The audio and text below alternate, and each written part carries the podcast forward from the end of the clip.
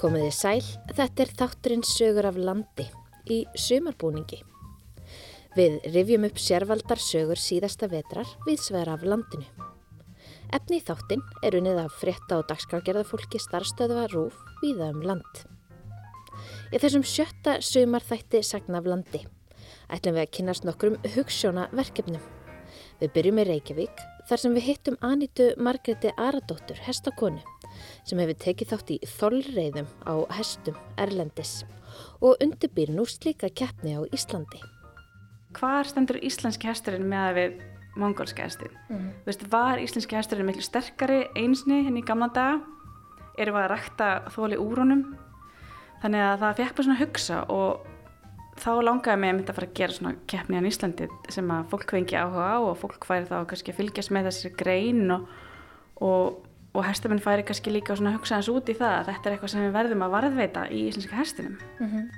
Þá höldum við á Skagaströnd þar sem Anna Þorberg Jónasdóttir rætti við hjónin Hugrunu Seif Hallgrimsdóttir og Jón Ólaf Sigur Jónsson sem reyka útfararstofu í frítíma sínum það er öruglega eitt af þakklátast starf sem við höfum unnið um æfina. Það er, er ótrúlega að finna uh, hlýleikan frá aðstandendum til í okkar garð í, í þessari vinnu. Og að lokum slást við fyrir með Elsu Marju Guðlöks Drífudóttur í Akranesvita að heita Hilmar Sigvaldarsson Vitavörð. En í mars voru tíu ár síðan vitin var opnaður almenningi. Ég hafði trú á þessu allan tíman og það er eins og með margar bilaður hugmyndir að maður verður að hafa trú á, á því sem maður er, er, er að bæli. En við byrjum á skristofu Landsambands Hestamannafélaga í Laugardalnum í Reykjavík.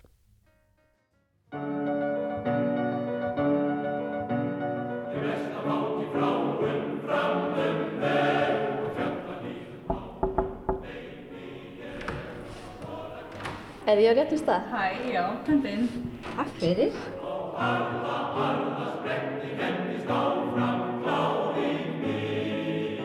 Ég heiti Aníta Margrét Aradóttir og ég er stafsmæður hjá Landsambæti Hestamannafélag. Já, við erum einmitt hérna stattar á skrifstofunni ykkar sem er hérna í laugadalunum í Reykjavík. Hvað, í hverju fælst svona starfi frá degi til dags? Við erum bara að vinna í alls konar málum. Þetta eru bara ótrúlega mörg verkefni og rosalega misjöfn uh, tengt félagsstörfum og, og bara hestamönnski landinu. Já, og þú ert búin að vera lengi í hestum? Já, ég er búin að vera bara frá því að ég var krakki en ég er samt ekki fættin í hestamönnsku. Ég átti ekki í fjölskyldu sem var í hestum með neitt, þannig að ég var bara svona brjálega lítill krakki bara með bílan hesta áhuga eða bara svona þráhyggju fyrir hestum og svo endanum var ég senda á reynamskeið og, og hérna mamma og pappi gáðs bara upp á öllum hestalátanum í kringum mig sendið mér reynamskeið og bara ég hef bara alltaf verið bara í hestum frá því ég var bara já svona sex ára fór ég fyrsta námskeið mitt og það er eins og þetta sé bara eitthvað svona meðfætt meðfættur áhugi svona mjög skrítið sko mm -hmm. og þá var ekki eftir snúið? Nei, bara, já, þetta er mjög fyrirlegt hvernig þetta var allt og mamma tala oft um það bara hvað hvaðan kemur hesta á hér og reynda var langaða minn, hann var mikill hestamæður í hérna Rángavælsíslunni í gamla dag þannig að kannski er þetta eitthvað frá honum mm -hmm. En þú ert alveg upp á höfuborgsæðinu Já og fórst þá að stunda hérna hesta, hestamennskuna hérna í, í nánasta umhverfi við Reykjavík Já, ég hef alltaf verið upp í Fák hann upp í mhm. Vídal Já. og það hefur verið mitt hestamannafélag ég náttúrulega var fyrst þegar ég var svona, fekk minn hest, fyrsta hest uh, 14 ára Þá var ég hann í neðri fák, hann í hjá Sprengisandi sem nú, nú er ekki mikið starfsefni þar lengur og svo fór ég upp í efri fák, ég það sem er bara fákur upp í Víðdal núna. Mm -hmm, en þú hefur tekið þetta alveg svona skrefinu lengra, þú hefur látið reyna á ímis konar reyðmennsku sem kannski ekki allir Íslandingar hafa verið að leggja fyrir sig, það er þessar þólreðar. Mm -hmm. Hvernig kom það til? Sko ég hef alltaf verið með eitthvað tilfinningu að ég ætti að gera eitthvað öðruvísi í hestamennsku. Og þetta byrja þannig að ég fer út 2014 og keppi í Mongol Derby út í Mongóliu sem er 1000 km kappbreið í Mongóliu og hún er í tíu daga og þetta er erfiðasta og hættlurista kappbreið í heimi. Og ég klára hana og gengur bara rosalega vel svona með við hvað þetta er sjúklega erfitt og töff. En hérna og eftir það fekk ég bara svo ótrúlega mikið áhuga á þálrið og bara mér langiði að gera svipaða reið og út í Mongólu hér á Íslandi vegna þess að Ísland er bara fullkomið fyrir svona reið en alltaf ekki eins ekstrím og ég var í úti heldur bara sniða íslenska herstinum og sniða Íslandi en það segja líka útlendingar sem kominga bara að halda svona reið á Íslandi er bara fullkomið, ég meina náttúranna og landslægið og óvissan í veðufarin og þetta þetta er bara og náttúrulega að sjálfsög íslenski hersturinn sem náttúrulega bara við þurfum held ég aðeins að fara líka aðeins að spá í ekki bara eins og í hringvallagreinum þá erum við mikið að spá í gangtegundum og, og fótaburði og sluðis við þurfum líka aðeins að fara hugsa um þólið í herstinum okkar. Við hefum ekki alveg gleyma því hvernig hann var henni í gamla dag, hann var sterkur vinnu þjarkur mm -hmm. og við verðum að passa að þetta við missum þetta ekki úr herstakynnin okkar mm -hmm. En þú kynist þessu aðna í Mongóliu hvernig var að vera í Mongóliu með að við að vera á Íslandi, hvernig voru herstarnir og, og landslægið og þessi upplöfun, hvernig fór þetta fram líka? Sko landslægið er ótrúlega líkt á köplum eins og hérna heima og stundum var ég bara úti bara, vá bara, þetta er alveg bara ótrúlega líkt Íslandi og fannst bara eins og ég væri heima svo horfði ég á hersti minn og var náttúrulega bara nei, þetta er ekki alveg íslenski hersturinn Hvernig eru mongólskir herstur? Við vorum á vildum herstum sem er bara hyrðingjarnir eiga. Og þeir eru ekki mikið tamdir, þeir kunni ekki neitt í beisli, það er ekki þetta stopp eitthvað mikið eða beigja og, og svona, en þeir eru bara ræktaðir og hafa verið bara frá tímum gengiskan bara hlaupadýr, þeir bara hlaupa, hlaupa, hlaupa og það er bara það sem þeir gera og hérna þannig að þetta var, þeir eru litlir og ekkert eitthvað mjög fallir, fagslitlir og, og svona já, íslenski hæsturinn er tölverst fallegri en hérna uh, en þeir eru brjálega fljótir og kraftmiklir. Og bara það var bara ótrúlegt að ríða þarna kannski 40 kílometra 30-50-40 kílometra þegar við skiptum herst á 30-50-40 kílometra fresti að vera hersti sem var bara fulli stökki næst í allan tíman og svo var náttúrulega dýrlæknir sem tók púls og, og skoði herstin eftir á. Og þá var kannski bara var bara líka við bara kvildarpúls á hestinu þegar ég var búinn skilur en þetta var bara rosalegt þólið í þeim hvað eru sterkir. Og það fekk mér svo mikið að hugsa þú veist, hvað stendur íslenski hesturinn með að við mongolska hestin mm -hmm. þú veist, var íslenski hesturinn miklu sterkari einsni henni í gamla daga erum við að rækta þóli úr honum. Þannig að það fekk mér svona að hugsa og þá langaði mig að mynda að fara að gera svona keppni á Íslandi sem að fólk fengi áhuga á og fólk færi þá kannski að fylgjast með þessari grein og, og og hestamenn færi kannski líka að hugsa hans út í það að þetta er eitthvað sem við verðum að varðveita í íslenska hestinum. Mm -hmm. En ef við hugsaum um eins og bara söguna að þá er allavega svo ímynd sem maður hefur af íslenska hestinum að þetta hafi verið ferðahestur og, og, og nota náttúrulega mjög mikið í göngur og smalamennsku mm -hmm. og, og þá getur maður ekki ímynd sér annað en að hann hafi þurft að vera með gott þól. Já, einmitt. Og hva, hver voru næstu skrif? Þetta var 2014.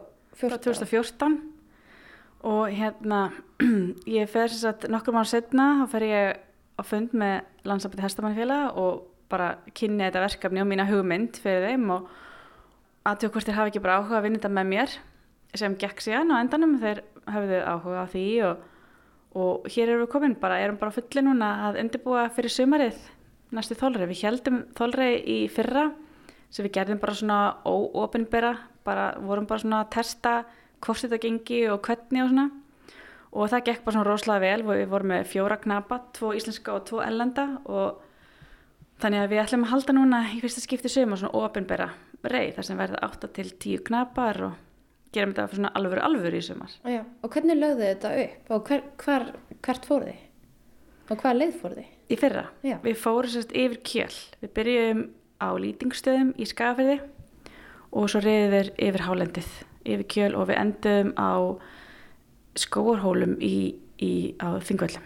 Já, og hvernig var keppninni háttað? Voru þið þá með nokkra hesta eða hvernig virkaði þetta? Já, þetta voru sko fjóru knapar og það var þrýr hestur á hvert knapa og þetta er sem sagt liðakeppni þannig að það er eitt knapi og tveir aðstofmenn og aðstofmennin sjáum að keira heina hestana á milli staða og taka við hestum sem knapin var að klára og undirbyrja næsta hest og þannig að þeir spila líka mjög mikið þátt í þessu og þetta formið svona mjög mikið kefti í þólreim ellendis.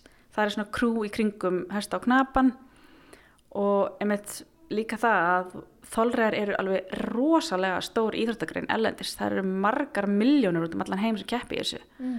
Þannig að maður finnst svona, akkur er þetta ekki til á Íslandi með þetta landslega og þennan íslenska hess sem við eigum. Þetta er bara eitthvað sem við bara verðum að fara að bara koma í gang. Mm -hmm. Og hvað, var, hvað voru knapanir að fara þá langt á hverjum degi og, og, og hvernig þóldu hestanir þetta? Knapanir eru svona 25-35 km á, á hesti og skiptir síðan um hest og er náttúrulega dílætnir sem aðtövar hestin og skoðar hann og mæli púls og öndun og aðtöð hvort hann sé nokkuð með áverka eftir leðina. Mm -hmm.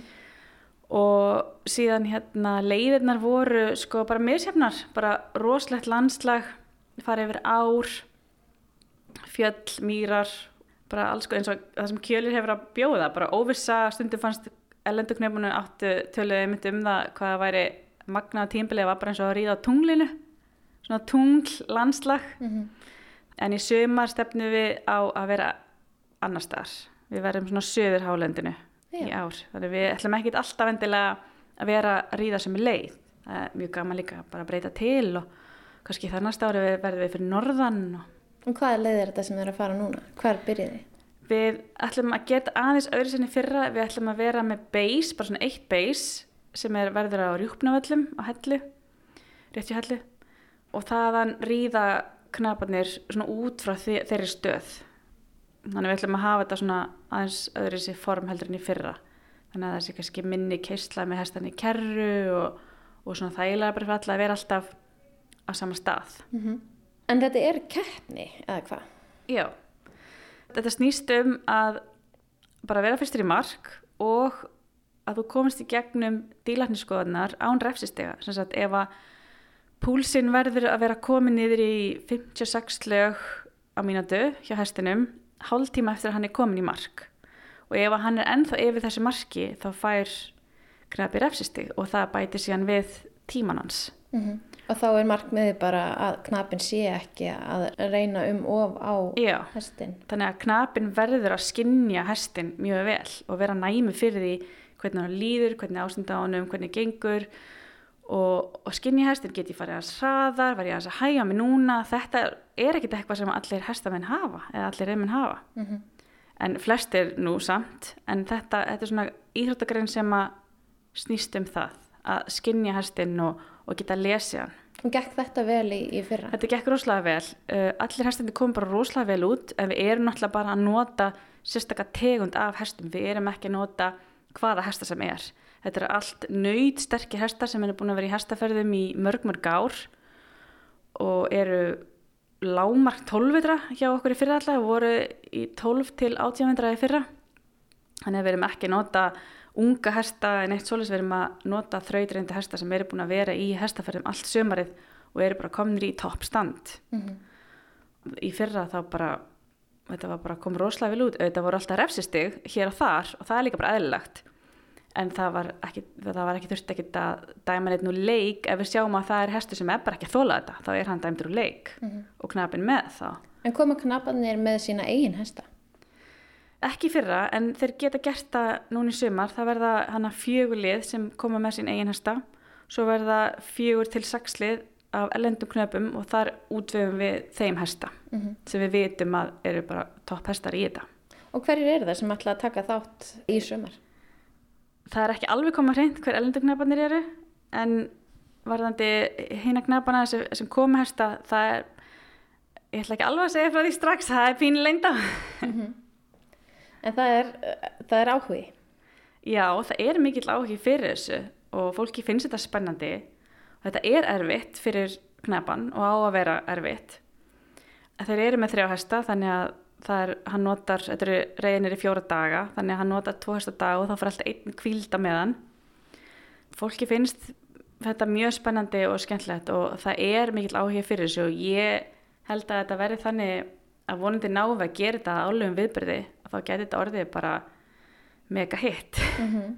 Og þú líka bindur vonur við að þetta sé ekki bara þessi þólreið heldur líka kannski að hafa áhrif á, á hugsanahátt í hestafólks. Já, bara ekki gleyma þessari tegunda hesti líka. Þetta er svona voru hestatir í gamla dag, nöytsterkir, vinnið þjarkar og, og duglegir og vilja vinna líka. Góðu þólræðastur verður að vilja vinna og gera þetta sem knapin er að byggja um. Mm Og, og þessi hestar vitaleg hvað er eiga að gera. Hvenær farið þið af stað í sumar? Reyðin byrja 25. ágúst og verður til 28. ágúst. Þannig að, eh, já, og það verður hægt að fylgjast með í ár. Þannig að þeir verða með sko svona trakkar á sér. Þannig að það verður hægt að fylgjast með á vefsíðu hvar hver eitt knapi er og hvernig hann gengur. Eins og þegar ég var að keppa út í 2014 þá var það þannig að það var hægt að fylgjast með allir knefanum og fólki fannst það rosalega skemmtilegt. Þú veist, þegar ég kom heim og sá bara áhugan og hvað bara svona alls konar fólk, ekki bara hesta, endilega hestafólk var búið að vera að fylgjast með. Það var rosalega gaman að sjá það, hvað áhugin var mikill. Ég var náttúrulega alltaf verið tímubelti, þannig fólk var að vakna nóttinni og, og fylgjast með og sjá hvernig með gengi og, og svo þegar búin þá var fólk að segja bara, ó, það er svo leilt, er búið, maður bara svona fíkill í að vakna á nóttinni og fylgjast með þetta. Og svona fólki fannst þetta rosa, svona, rosalega spennandi, þannig að Hvað er það við, við þessa tegund af, af hestamennsku sem þú heldur að fólk tengi freka við? þú ert þarna bara einn með sjálfum þér út í náttúrunni og þannig að ég held að fólk tengi svolítið við hestaferðina líka. Og rosalega mikið af hestamönnum sem að fara í hestaferðir á sumrin og þetta er svona aðeins öðris útgáfa af hestaferð en það sem að hestamenn er svo duglir að fara í hestaferð á sumrin þá er rosalega mikið af íslenskum hestamenn sem eru þið góðir í þessari grein Já. En þetta er ekki eins tæknilegt kannski og, og, og ring... Nei, ekki alveg, þetta er tæknileg grein en samt ekki eins tæknileg og hringvallagreinar. Já. Þannig ég held að svona almenningur sem er ekki mikið inn í hestum, þeir svona tengi meira við þetta. Þetta er, svo, þetta er ekkit flókið og auðvöld að skilja þetta. Um eitt. Í hverju er þið að vinna núna? Hvernig er það að undirbúa þálreði sumarsins? Við erum bara fullu að skipulegja og, græja og útvega hesta og velja knapa og allt í kringum þetta er bara rosalega skemmtilegt. Þetta er rosalega skemmtilega að vinna, að vinna í svona, þetta er náttúrulega frumkvöla verkefni, þetta er náttúrulega nýtt, hefur ekki verið gert áður, það voru þólreðar hann í gamla dag fyrir 30 eitthvað árum síðan, en það er verið með öðru sér sniði, þannig að þetta er eitthvað bara, það er ekkert svona fordæmi fyrir hvernig maður á að gera það, þannig að maður þarf svolítið að finna upp hjólið á, sumi leiti í þessu og þetta getur oft að koma oft upp flækistig, þannig að þetta, þetta er alveg mjög flóki, við erum alltaf með lifandi dýr í þessu og, og Íslenskt veður. og Íslands veður sem við veitum ekkert hvernig verður á þessum tíma þarna þannig að þetta er bara allt mjög gaman og spennandi Já. Gangið er vel með verkefnið framöndan og, og það verður spennandi að, að fylgjast með. Já, takk fyrir það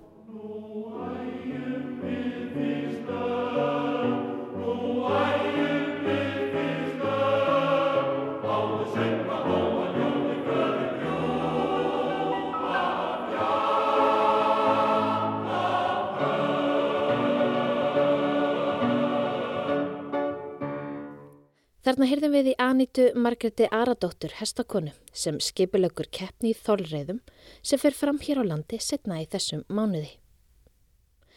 En úr laugadalunum höldum við norður á Skagaströnd.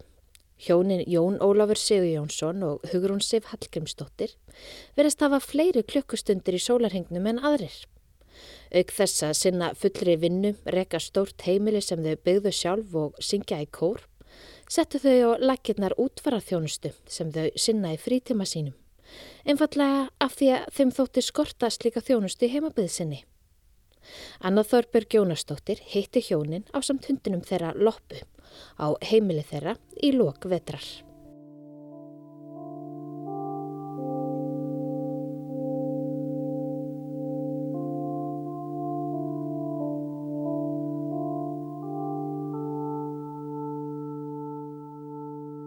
Ég sem sagt hef starfað sem organisti í, kallar ekki orðin 17 ár.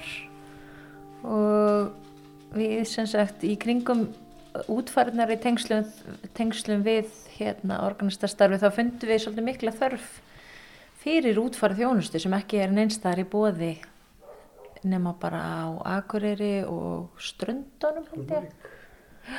Og hérna þannig að við sáum svona að þarna var eitthvað sem vantaði hjá okkur þetta gæti verið rosalega flókið bara fyrir aðstandendur að standa í þessu að því að maður segir ofta en bara meira en nóg að sirkja ef þú missir einhvern en þá voru alls konar aðri hlutir sem fylgdu því þannig að við höfum fengið alveg rosalega mikið að heyra hvað fólki, hvað þetta er mikið léttir fyrir fólk að við skildum stigin í þetta Og hvernig byrjaði þetta? Við byrjuðum 2019, fórum við lokast 2019, byrjun 2020, þá fórum við að spá í þessa hluti og hérna stopnum fyrirtæki í mars 2020 og hefum, höfum verið í þessu bara síðan þá, nánast, nánast upp á hverja helgi sko. Þannig að, að við fundum það strax að, að það var greinlega þörf fyrir þessa þjónustu. Okkur var mjög vel tekið og, og hérna, það hefur alltaf verið svo útför kvorki á Skagaströnd nýja blöndhúsi sem við höfum ekki komið að með einum með öðrum hætti. Og hvað er það sem að útfara þjónustur uh, gera? Hvað, hvernig getur þú sagt bara svona að- frá ferlinu?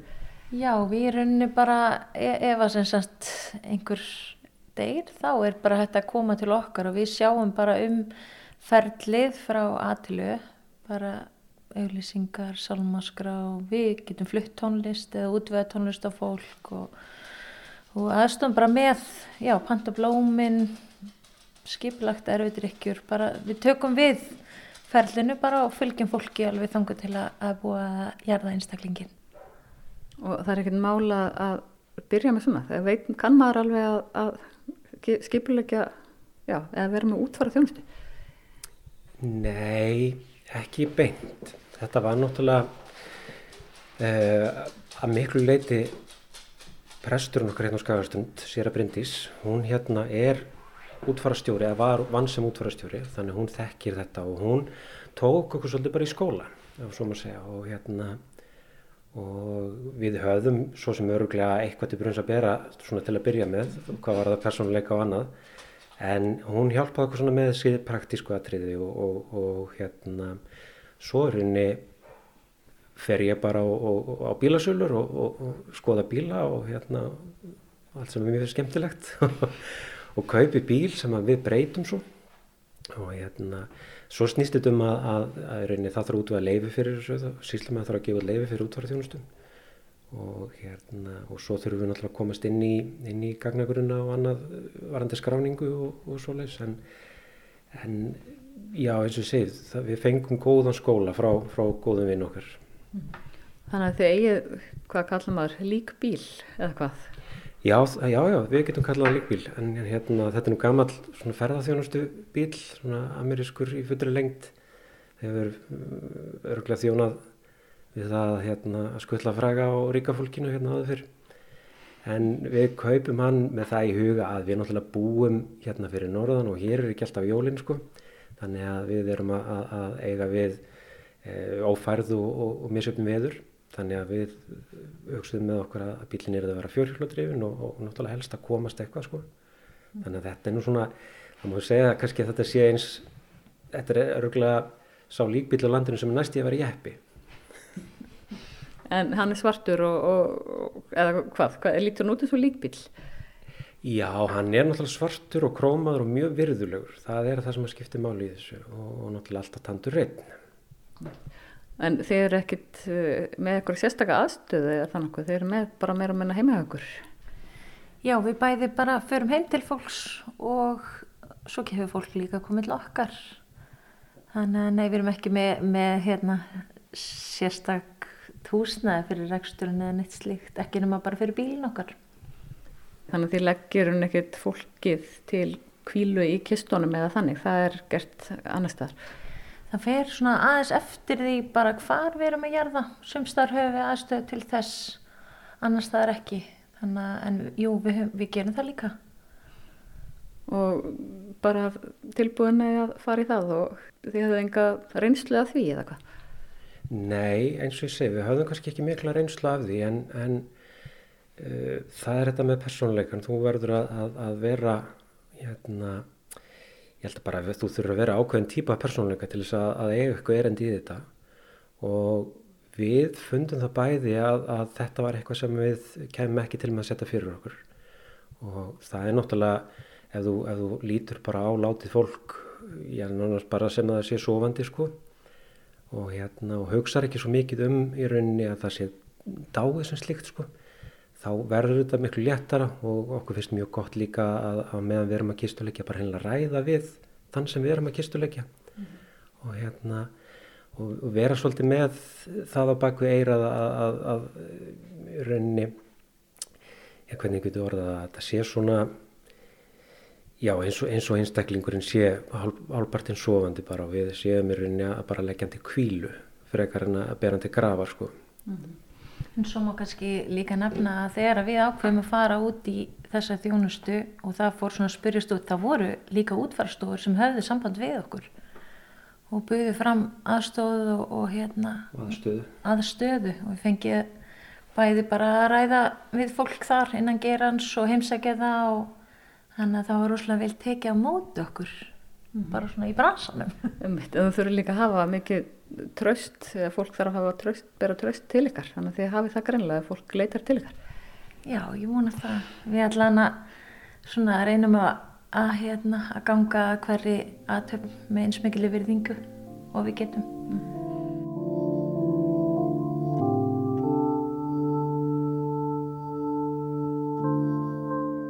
Þið eru þá viðstödd allar útvarir sem að fara fram hérna eða hvað? Já, við erum það og engin eins. Það eru allar, það hafa allar sinn, sína sér enginni, semst útvarir, það er náttúrulega misjöfnar. Þetta er fólk á misjöfnum aldri og, og hérna, en við erum viðstödd þar allar og, og, og það má kannski bætaði við að, að við höfum oft rætt að þetta er öruglega eitt af þakklátast starf sem við höfum unnið um æfina. Það er, er ótrúlega að finna hlýleikan frá aðstandendum til í okkar garð í, í þessari vinnu og þá er henni gildir að einu hvort það er í þessum viðtörnum sem við erum að taka af fólkið eða í sjálfum útförunum sem við erum viðstödd. Mm. Og þið eru ekki bara í út, hérna, viðstödd sem útvarar stjórar heldur, er það að taka þátt í útförunum, er það ekki? Þið eru með ymsa að hatta. Jú, ég sko er búin að starfa sem organisti í 17 ár þannig ég var, ég var búin að vera mjög lengi við þær að spila. Og svo í COVID þá skapast eiginlega hálfgjört vandamála því að allt kórastarf lániðri þannig að við stopnum þá útfara kvartett og erum búin að vera aðsíðan að syngja, fengum vinu hjá okkar með okkur. Þannig að við erum líka stundum að fara kannski eitthvað lengra í burtu þar sem er aðrar þjónustur og þá bara að syngja sem kvartett Þannig að eru líka að koma að öðrum útförum þó að sé ekki á ykkar vegum. Já, við, við eigðum stórum hluta lífsins okkar í útförum.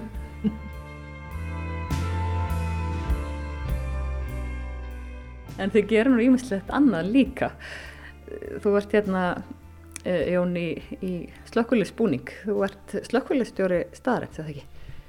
Jú, ég er nýttekinn við þessi slökkustjóri á Skagaströnd og hérna hef verið í liðinu síðan 2004 uh, svo hérna opnaðist þessi glöggi það semst fyrir slökkstjóri hann, hann segir upp störfum og, og hérna ég ákvaða að taka slægin og, og hérna og sé ekki eftir því. Þetta er, ég er eins og vondur í Íslensku mjög peppaður í þetta starf. En það er sem betur fyrir ekki margir eldsvoðar hér á Skagströnd eða hvað? Nei það er, við erum blessunulega lausið það að, að, að þurfa að slökka marga elda. En, en auðvitað þarf alltaf að liðið þarf að vera klart og áæft og tilbúið. Og mitt starf snýst að miklu leitum að tryggja að það sé þannig. Og það sem að kannski tengir þessu störf svolítið saman það er það að vera útfærastjóri og slökkulistjóri er í rauninni þessi þessi hérna færni í mannlegum samskiptum. Ég held að maður þurfa að vera virkilega fær um mannlegum samskipti til að geta stjórnað hvort sem er útförum eða slökkuliðir sko. þannig að þetta, þau tengja svona beint og beint Já, og þú ert hérna að vinna með börnum, er það ekki? Jú, eða bæði börnum og fullornum ég er sem sagt skólastjóri tónlistaskóla hún og við erum með útibú á Blöndósi og húnavöllum og Skagaströnd og erum bæði að kenna börnum og fullornum þannig að ég er í miklum samskiptum líka við fólk Þannig að þið tengist mjög mikið þessu svæði en það þekkið alla. Já, það er eiginlega svolítið svolítið. Svo er ég hérna náttúrulega korstjóri með kirkikorum minn og jú, við, við þekkjum hansi marga hérna á svæðinu. En fannst ykkur ekki nóg að gera þegar líka börn og, og voru að byggja hús og, og var þetta ekkert, já, það var ekkert spursmála að taka útfara sér líka? Jú, við höfum alveg nóg að gera en við erum einhvern veginn bæðið þannig, svo, skarast líka bara svolítið áhugamálin og vinnan okkur saman. Þannig að mann líður nú kannski ekki alveg alltaf eins og maður sé bara vinna og vinna þegar maður er að flytja tónlist eða, eða vinna eitthvað tengt því. En við erum bæði svolítið efindargjörn held ég bara. Og við bara hendum okkur í þetta. Kannski á þess að hugsa eitthvað sérstaklega mikið. Við gerum það nú yfirlega ekki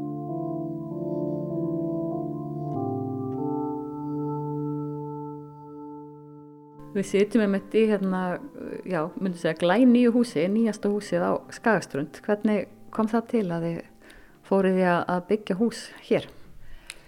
Það er eins og Hugrun segir, sko, við, við fáum oft brjálaðar hugmyndir og það er svo sem alveg sloppið til að við fáum brjálaði hugmyndi í sér lagi en þegar við fáum sömu brjálaði hugmyndina þá verður þetta fjandilvægis oft og það var í þessu tilfelli þetta gerist allt mjög hratt. Við tökum ákvörunum að selja gamla einbílisúsið okkar hérna á Skagastund og hérna það fór á sölu, seldist á, á með tíma og þá tökum við ákvörunum að, um að flytja inn einingahús.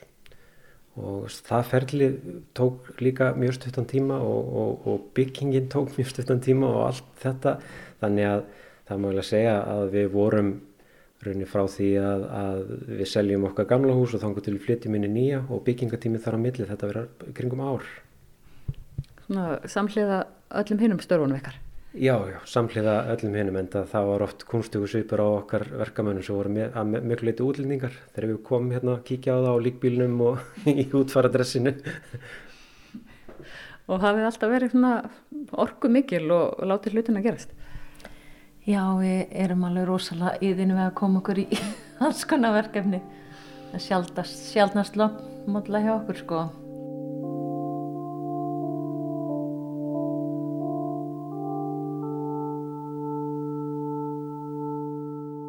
þetta er samfélag sem er svolítið þjætt og, og verðist vera að lifna svona eins við eftir kannski erfið síðust ár.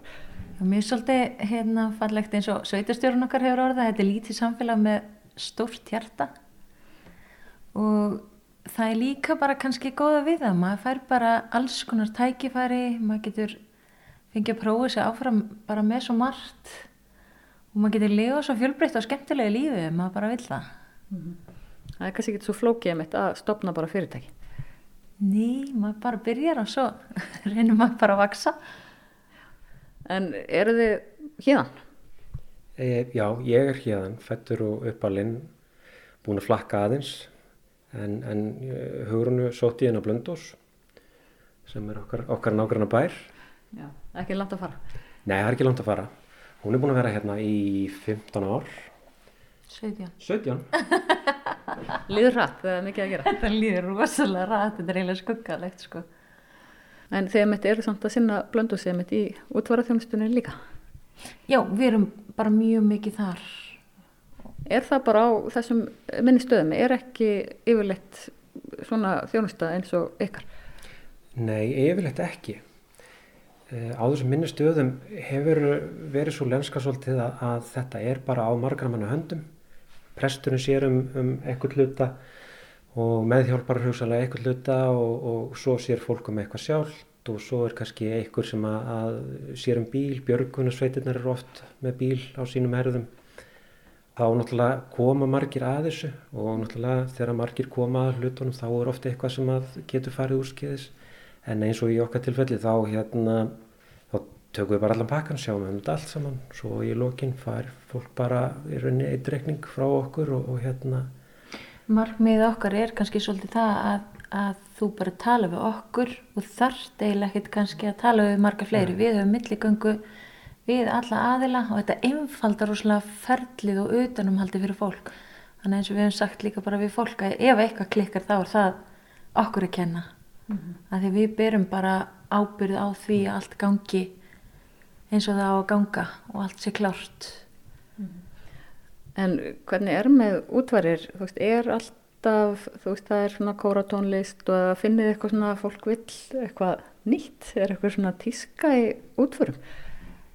Nefnilega, það er nefnilega, þetta er góð spurninga því að útfarir í dag þær eru að mörgu leiti að verða bara líka svolítið eins og tónleikar við erum komin rosalega langt frá þessu hefðbundna salmavali eins og var og ég held einhvern veginn alltaf að við sem bara búin að syngja eða flytja nánast allt sem hægt er að beðjum en sko við höfum örgulega flutt fleiri hundru lög og það er alltaf eitthvað nýtt sem kemur upp og nýtt sem við þurfum að læra og þetta er, þetta er bara, já, þetta er ótrúlega flóra tónlist og alls ekki engungu kirkitónlist. Þannig þið þurfum að, að vera alltaf með, með á nótunum og læra alltaf nýtt og nýtt. Já, við, við þurfum, sko það er jafnframt skemmtilegt en það er líka herfitt en, en þú veist það er alltaf gaman að, að hérna, kljástu eitthvað nýtt og, og prófa mm. eitthvað nýtt sko. En svona útvarir eru náttúrulega mjög trúarlegur viðbörður í rauninni er, og trú fólks er svona kannski að, að minga með árunum. Eh, finnið fyrir því ef fólk að vilja losna kannski við þetta trúarlega úr útförum? Nei, við finnum nú ekki svo mikið fyrir því. Það sem við finnum hins vegar er eins og högurum bent á að fólk er kannski farið að leifa sér aðeins meira frjálsræði hvað varðar, það er ekki að hengja sig á gamlu sálmanna endilega sko. En sko, fyrst og fremst vil fólk bara hafa þetta fallegt og, og, og, og virðulegt en, en ég get ekki sagt það að, að mér finnst trú fólks vera minga endilega mm -hmm. Veist, í grunninn eru aðtannar eins og þeir voru og hafa alltaf verið þetta er einu sama formið á þessu og fólk vil náttúrulega ekki vika frá því sko. en, en ég get ekki sagt það nei Já sko þó, þó einmitt það er hérna, fólki fækkar stöðugt í þjóðkirkini maður náttúrulega svo sem verður sannlega varfið það en, en samt er svona einhver íhaldsemi tengt útförum mm -hmm. Þannig sem byttu fyrr þannig að hérna mér finnst það mitt, ég finnum mitt eins og, eins og hann saði ekki fyrir, fólk vil ekki vika frá því þar mm -hmm. nema þá í tónlistinni Já, en það ánáttúrulega bara að vera hátilegt og, og fallegt Já, bara virðulegt og fallegt mér finnst það svona eins og ég segi, mér finnst virðingin skipta alveg rosalega miklu máli í þessu verðli.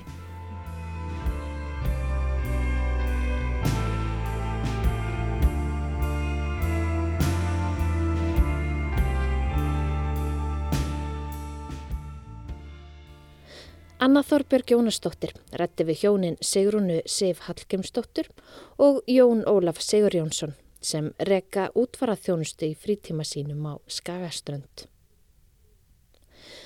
Og frá Skagaströnd höldum við á Akranes, nánar tiltekið í Akranesvita sem er á breyðinni á Akranesi.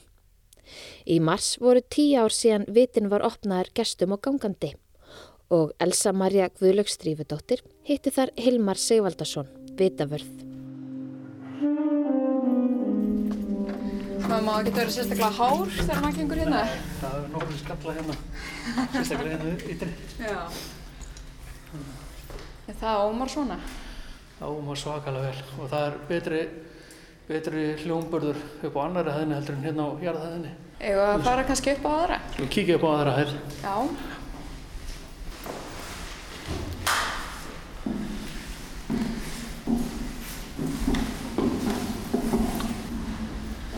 Og nú erum við á annari hæði vitan, en hvað eru margar hæðir? Það eru fimm og þessi hæð sem við erum á núna er svo hæð sem við höfum flesta tónleikan á. Það heyri sklögt að það ómar vel? Já, ómar svakalega vel. Þetta er ótrúlega mikill hljómburður hérna. Þeir tala um tónlistamenn að hver tón uh, sagt, sé í um það byrj tíu sekundar.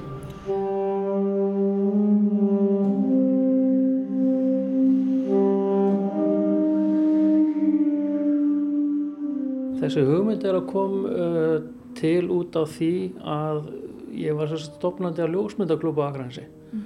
og einn ein félagi úr klúpnum, Finnur Andriðsson, hann fær þá hugmynd að, að fara upp á topp á vitanum og taka ljósmyndir. Og hann sem sagt fær lánaði líkilinn hjá vegagerðinni. Og af því að ég var sérst formaður ljósmyndafélagsins að þá letaði mig gema líkilinn og sérst í millitíðinni fæ ég þessa hugmynda að reyna að gera Akranisvitan að ferðamannastað. Næstu skrif voru þau að ég fór með þessa hugmynd til, til hérna, markasnefndar Akraneskaustar og rætti þessa hugmynd þar og fekk í rauninu vel vilja fyrir því að, að gera þetta en meðan hafði ekki mikla trú að þetta erði eitthvað áframhaldandi verkefni. En þú hefur haft trú á þessu? Ég hafði trú á þessu allan tíman og það er eins og með margar bilaður hugmyndir að maður verður að hafa trú á, á því sem maður er, er, er að bæli. En þú, þú starfaði ekki við ferðarþjónustu þegar þú byrjaði þetta æfintýri? Nei, ég var að vinna í álverinu hérna inn, inn á Grundatanga mm -hmm. og svona fyrstu svona þrjú, fjögur árin að þá, þá hérna, gerði þetta meðfram þeirri vinnu. Notaði rauninni mína frítíma til þess að pikka hérna um ferðumann og bjóða þeim upp á toppin. Sko þú segir fyrstu árin þá varst að gera þetta meðfram vinnu. Hvenar tókstu þetta skref að, að fara úr alverinu og, og bara tilenga því þessu? Það var um, í kringu 20. november 2014 af við minnir að ég segja upp inn í alveru og er ráðið sem, sem eh, stafsmæðu bæjarins við þetta mm -hmm. Og þegar að bestlétt áður en á COVID kom að þá vorum við með opiðna alveg 8 tíma á dag og það var að við minnir alla daga vikunar En hvernig tilfinning var það að eh, yfirgefa alverið og fara svona í þetta hérna, þetta starf hér? Þetta er náttúrulega alltaf skrítið um, að fara úr, fara úr þeirri vinnu sem var í og fara í eitthvað sem að þú vissir ekki hvort að kemur til með að ver, vera eða ekki hvort að það myndi sagt, vaksa eða, eða, eða bara degja út. En þetta hefur allt lukast rosalega vel og mér líður afskaplega vel í þessu starfi og, og mjög erfitt með að vera í raunni fríi. Það er rosalega erfitt að vera í fríi í svona starfi þar sem þú ert með ástriði fyrir ákveðin hlutum. Og náttúrulega er ég búin að skrá mig inn á fjöldan allan á svona vita síðum inn á Facebook og er þykist allavega frekar virkur inn á þeim síðum.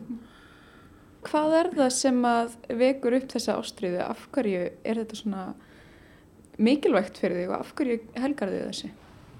Ég, ég áheila ynga skýring á því. Uh, Fæðið minn heitin, hann var, var sjómaður, það er nú eina sem er svona tengir, tengir þetta saman en eh, eins og segjum, mér langaði bara til að gera eitthvað fyrir bæjum minn til þess að auka hér ferða, hérna, fjölda ferðmanna og ég held að það tekist bara nokkuð vel en það er engin eiginlega tenging við vita eitthvað sérstaklega sem komur á staði í, þessu. Ég sá bara þarna að það var þarna eh, mannverki sem að hafa ekkert verið nýtt í, í slíka hluti og vildi bara prófa þetta mm. og það, eins og segja, bara tekist nokkuð vel. En þú ert skagamæður í húð og hár og hefur ástæðið þessum bæ? Já, ég er fættur og uppalinn hérna á Akranesi og hef aldrei búið annar staðar en hérna á Akranesi og líður bara afskaplega vel hérna. En eh, það má alveg segja að heimsóknir hafa aukist og, og áhugi og vittneskja fólks um þannig að vita hér og að sé eftir að koma hinga á heimsækjan hefur aukist á þessum árum. Hvernig, núna þegar það eru tíu ár liðin frá því að þú hóst þetta Eh, hvernig líður þér þegar þú lítur svona um auksl og hvað ber hæst kannski? Mér náttúrulega líður rosalega vel með þetta og, alltaf, og það sem maður er svona þakklátastur fyrir í gegnum þessi, öll þessi ár er bara allt þetta fólk sem hefur staðið með, með manni í þessu og náttúrulega allir gestinni sem hafa komið hingað, sumir hafa komið hérna oftar en tviðsar og oftar en tíu sinnum sko og náttúrulega fjölmarki sem hafa, hafa bæði hljóðritað, ég veit að hann verið með tónleika, haldið myndlistasýningar hérna. Við erum til dæmis búin að halda hérna uh, messu. Það er búin að vera nokkur brúðkaup hérna inn í vitanum, bæðið inn í vitanum og eins á topnum. Og ímislegt já, þannig laga sko. Það er meira sér búið að, að búið að, hérna, að búið skýra barnið það meira sér í vitanum líka. Og við erum búin að vera með jóka. Þannig að ég bara auðvisa eftir hugmyndu sem er hægt að framkama hann inni sko. Já. Og þú ert til í þessi æfintýri? Ég er alltaf til í, til í svona passlega brjálu æfintýri á algjörlega. En þú verðist vera með margar hugmyndir. Ertu alltaf með nokkrar í gangi? Ég er með mjög margar, margar hugmyndir í gangi og það er ekkert endilega tengdar bara þessu vita. Það eru bara ímsar, ýmsar hérna hugmyndir sem ég er búin að láta, frá, láta frá mér og aðrar ekki mm. sumar eru í gangi og aðrar ekki mm. og hausin á mér er á fullu alla, alla daga En það þarf kannski svolítið hugur ekki líka til þess að gera þetta? Já, þú þarf eiginlega sko vera tilbúin til þess að, að hvað ég segja, uh, láta hlægað manni í einhvern smá tíma af því að brjálaður góðar hugmyndir þurfa, þurfa í raunni góða meðgangu eins og maður segir að, að hérna, það sjá ekkert allir glætun í hlutunum strax. Hefur þú alltaf verið jafn vissum þetta hvarlað aldrei að þeirra draga þig út úr þessu? Það er náttúrulega kom að því sko svona komu ákveðin tíma, tímapunktar hjá manni að, að hérna maður svona efaðist um, um að þetta væri eitthvað sem að gæti gengið en einhvern veginn svona daginn eftir að maður svona fekk, hvað ég segja, svona bakslag í þetta þá, þá einhvern veginn bara hertist maður í þessu og held áfram.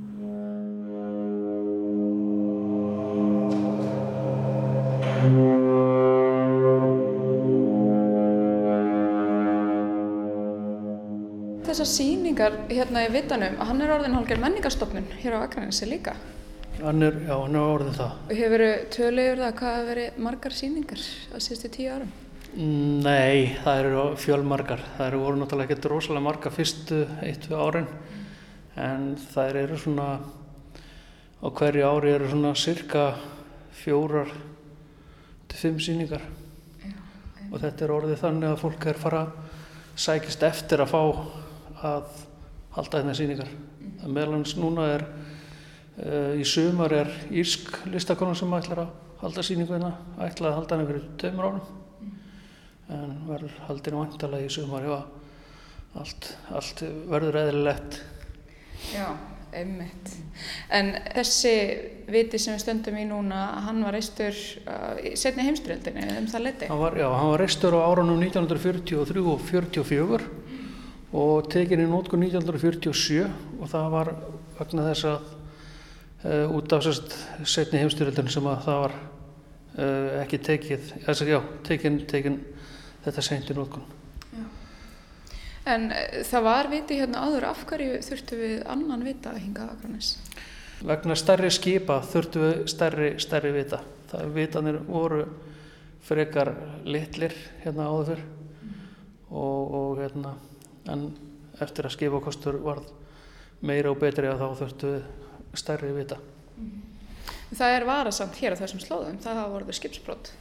Það voruð skipskaðar hérna í Kringjá og það ég, um, ég held ég var rétt með það að það séu nokkur skipsflökk hérna út af flösunni og meðan hans fóst hérna skip 1905 hafa meðan og listaverkisest sem er hérna út af flösunni er einmitt minnisvarðum um það sliss Þar fórust 11 manns. Þannig að það var ekki vanþörf á, það var þá 1905 og, og gamli vitin tekið notku 1918? Já, það er sérst í kjálfari af þessu slísi sem, sem vitin er byggður. Og rétt að geta þess líka að litli vitin er einn elsti steinstöktu viti á Íslandi. Og hann hefur verið valinn á einni ellendri vefsíðu þriði fallegasti viti í heimi sem er nokkuð gott af því að það eru að við minna 8600 vitar til í heiminum. Þannig að það er ágættis skori okkur. Og það er nokkuð vel gert hjá litlum vita það tekir mér já og hann, þetta sést uh, útlítaðanum er svona kastalaga á hann mm. og uh, það var sérst danskur arkitekt Torvald Krabbe sem, sem að teikna það en svo sem að teiknaði þennan heitir Axel Sveinsson og hann teiknaði að með minnir allavega fjóra aðra vita sem eru svo kallar sýsturvitar Akranisvitans mm. sem er Gróttuviti, Garskagaviti, uh, Reykjanesviti þessir, þessir þrjú vitar allavega. Já. Og þeir eru allir svona keim líkir? Þeir eru mjög líkir en þessi viti hérna sem við erum í núna er eini vitin á Íslandi sem er svo kallar stóðveggi. Það er veggjarnir sem ganga út af vitanum sem mynda þessi bíl hérna í kringum hann. En hérna, þarna fyrir tíu árum þegar það er fyrst opnið, þegar þú fyrst opnar vitan fyrir gestum og gangandi, hvernig var umhors hér á breyðinni? Breyðinni er náttúrulega mjög söguríku staður hér á Akranesi. Já, hér var sko, hér var bara malavegur hérna neðrættir og um, sjómenn er unni fóru hérna neðrættir til að kanna, kanna veður og hvort það væri hægt að fara á sjóin eða ekki. En síðan þegar þetta er uh, hannað eins og það er í dag að þá þurfa menn að leggja bílum hérna aðeins frá og það er svo sem ekki allir ánæði með, með þetta en þetta er orðið meira svæði hérna í kring er orðið meira bara útífista svæði heldur en það var. Og núna er þetta svona ferðarþjónustu punktur uh, og, og staður fyrir þá sem að koma á heimsækja Akranes til þess að koma á. Uh, hvað kemur svo? Hvernig sér þau framtíðina fyrir þér hérna á breyðinu? Um, ég sé fyrir mér að um, með svæði hérna í kring að, að hérna, við munum byggja sagt, hérna, bæði íbúðar og, og, og, atvinnum starfsemi þá ferða þjónustu tengda starfsemi og þá myndum við byggja hérna, sagt, í anda gamalla húsa sem eru horfin hérna á Mm. Ef, ef við fengi öllu ráðu þá myndum við vilja að það er í gert. Og sér þið sjálfan þig áfram í vitanum? Ég er að vona að, að bærin treysti mér allavega næstu tíu ár líka í þetta. Já, það verður bara komið ljós. Já. En þú, þú sér þig hérna og heldur ótröður áfram? Ég ætla að gera það, svo lengi sem ég fæ að, að valsa hérna um. Hilmar Vitaverður, það var gaman að koma í heins og tíðin. Takk fyrir.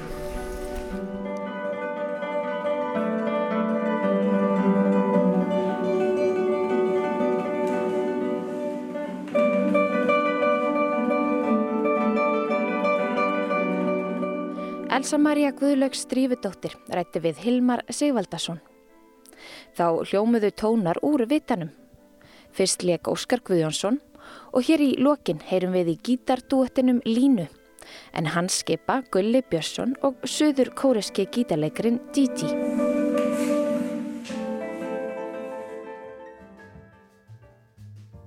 Þá kom að lokum hjá okkur í sögum af landi þessa vikuna. Auk þess að rifi upp skoðunaferði í Akranesvita, þá hittum við hjónin Hugrúnu Sif Hallgrímsdóttir og Jón Ólaf Sigur Jónsson sem reka útvara þjónusti í frítíma sínum á Skagaströnd og Anitu Margreti Aradóttur sem skipulökur keppni í þollreiðum sem fer fram síðar í þessum mánuði. Teknumær þáttarins var Lítiða Gretarsdóttir. Við þökkum þeim sem hlýtu, lifið heil.